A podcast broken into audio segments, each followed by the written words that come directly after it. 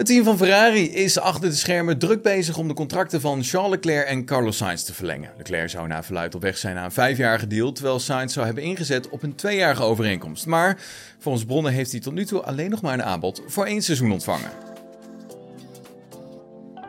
Leclerc zou na verluid zijn krabbel hebben gezet onder een vijfjarige deal met een startsalaris van 25 miljoen euro. Maar ja, hij kan dat bedrag in het laatste jaar nog verdubbelen tot 50 miljoen euro.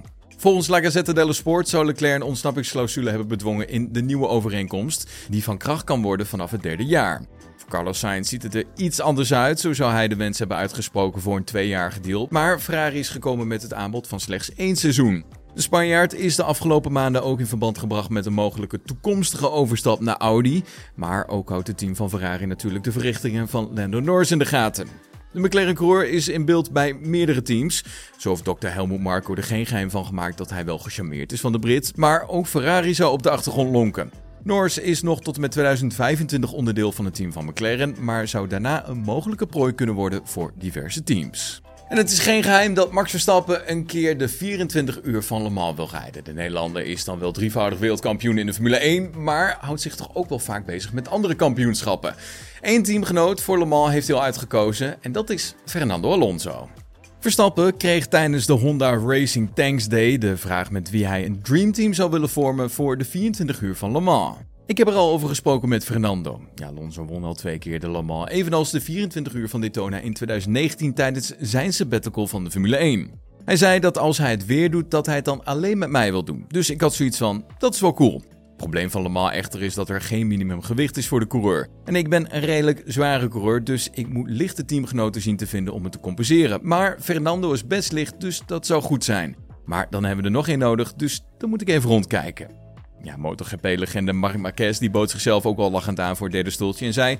Ja, ik ben lichter dan Fernando, hè.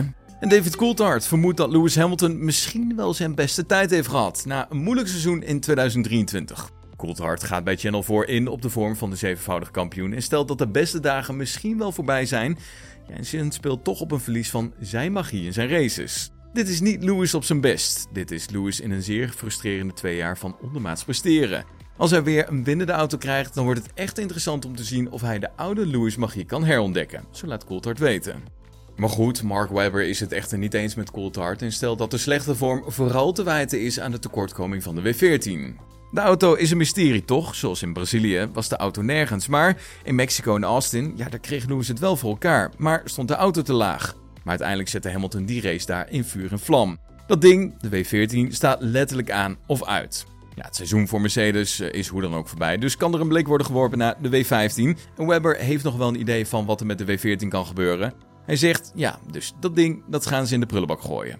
Al dus Mark Webber. Was hem dan het nieuws hier op Spotify. Vond je dit een leuke aflevering en wil je deze winter niks missen van al onze speciale content? Vergeet ons dan zeker niet te volgen en dan zien we je morgen weer. Tot dan. Hoi.